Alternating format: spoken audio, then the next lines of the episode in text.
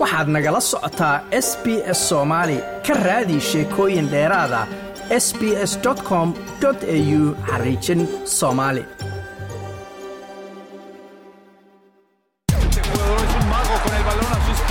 For live match commentary in up to 10 different languages, head to SBS Football 2 on digital radio or SBS Football 3 online. Faransiiska iyo ingiriiska ayaa guulo waaweyn ka gaaray cayaaraha koobka adduunka ee ka socda dalka qatar iyagoo u soo gudbay rubac dhammaadka ama sideedda dal ee ugu dambaysa kaili mbabe ayaa laba gool oo cajiiba dhaliyey halka oliver giroud uu noqday cayaartooyga ugu goolal dhalinta badan kooxda faransiiska. England ayaa u gudubtay sideedda kooxood ee u dambeeya tartankan markii ay senegaal kaga adkaatay saddex iyo eber waxaana cayaarta xigta la kulmaysaa kooxda faransiiska oo iyadu koobka hadda haysata oo lafteedu waa kooxda faransiiska ay cayaar ay inta badan banooniga maamulayeen ku garaacday dalka poland oo ay kaga adkaatay saddex iyo hal markii mbebe uu laba gool oo cajiiba u dhaliyey goolka kalena uu ahaa mid taariikhda galay oo uu dhaliyey oliver jeroid kabtanka kooxda ingiriiska harry kane ayaa sheegay inuu ku faraxsan yahay guulihii u dambeeyey ee kooxdiisu ay gaartay. Runtii waxay ahayd cayaar adag sidaad og tihiin cayaaraha ciddii laga badiyaba ay gurigoodii aadayaan ma aha kuwa sahlan ayuu yidhi. Waxayna ila tahay inaannu muujirnay qaangaarnimo weyn. Intii tartankan uu socday saddex iyo hal ayaannu uga badinay koox adag waxaana mahaddeeda leh wiilasha oo bilowgiiba maskixiyan u diyaar ahaa oo ka faa'iidaysanayay. Mar kasta oo fursadii ay u timaado kooxdu waxay isugu jirtaa ayuu yidhi dhallinyaro iyo cayaartooy khibrad leh. Sidaad ogtihiinna sannadihii u dambeeyey ingiriiska uma ay fududayn. Marka guul saddex iyo hala waxay noo tahay habeen aad u weyn ayuu yidhi.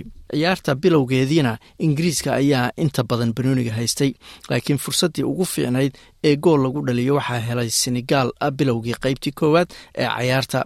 Waxaase fursaddaasi soo afjaray gool uu ingiriiska u dhaliyey jordan henderson daqiiqadii soddon iyo sideedaad in ka yar toban daqiiqo kadibna harry kane ayaa gool kale shabaqa geliyey sidaasna qaybtii hore cayaartu waxa ay ku dhammaatay laba iyo eber.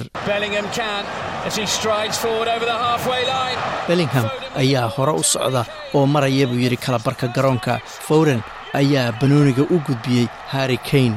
Ingiriisku qaybta koowaad ee cayaarta ma ku dhammayn karaa ayuu yidhi si qurux badan.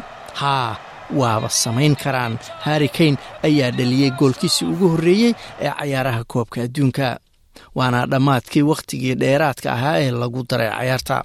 Waa dhammaadkii qaybtii labaad ayuu yidhi. Bukayo saka ayaa dhaliyey goolkii saddexaad ee ingiriiska sidaasna saddex iyo eber uu ingiriisku si dhibyariya ugu gudbay cayaarta kalena laba gool oo cajiiba oo uu dhaliyey kelian embabe iyo gool taariikhiya oo uu dhaliyey oliver garoud ayaa faransiiska siiyey guul ay kaga adkaadeen poland. Labada dhinac ayaa barbardhac ku dhammaystay inta badan qaybtii hore ee cayaarta maamulka banoonigana waa ay u sinaayeen laakiin dhammaadkii qaybtii koowaad ee cayaarta ayuu gool u dhaliyey faransiiska garoud daqiiqadii konton iyo labaad qaybtii labaadna waxaa kubadda maamulayay oo inta badan hayey faransiiska inkasta oo difaac adag oo ay kooxda boland gashay uu celinayay faransiiska. Weerar celis adag oo daqiiqadii toddobaatan iyo afartanaad ka timid kooxda faransiiska ayay ku adkaatay boland inay iska difaacdo markii osama dombeley uu banooniga u dusiiyey kalian embebe oo isaguna geeska ka geliyey goolka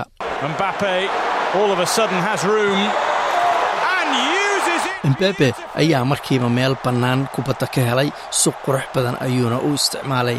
Kelian embebe mar walba tayo cayaartooy xidiga ayuu ku biiriyaa cayaarta. Daqiiqad ka hor ayaga ayaa weerar lagu hayey daqiiqadii xigtayna faransiiska ayaa wata gool kale ayuu ku daray wakhtigii dheeraadka ahaa ee lagu daray cayaarta sidaasna faransiisku geeyey heer aysan shaki ku jirin. Guushoodu robert levendoski ayaa dhammaadkii cayaarta goolkulaad u dhaliyey poland laakiin natiijadii u dambeysay waxay noqotay saddex iyo hal.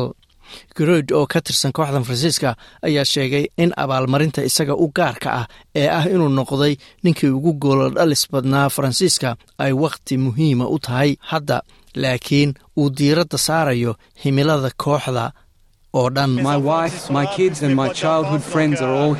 Xaaskayga carruurtayda iyo dhammaan saaxiibadaydii aan la soo koray halkan ayay joogaan. Marka waa wax aad u fiican waxaan weligay ku hamiyi jiray inaan goolashii tiyeri onri aan dhaafo. Laakiin hadda taas waan gaaray. Dad badan ayaa igu oran jiray rikoorkaas waad jebinaysaa. Haddana waa aan jebiyey. Ujeeddadu hadda waa inaan tartankan heerka ugu sarreeya oo suuragalka ah ka gaarno koox ahaan. Berita oo talaada ah waxaa fooda isdaraya jabaan iyo korowetiya labada subaxnimo wakhtiga bariga dalkan australia.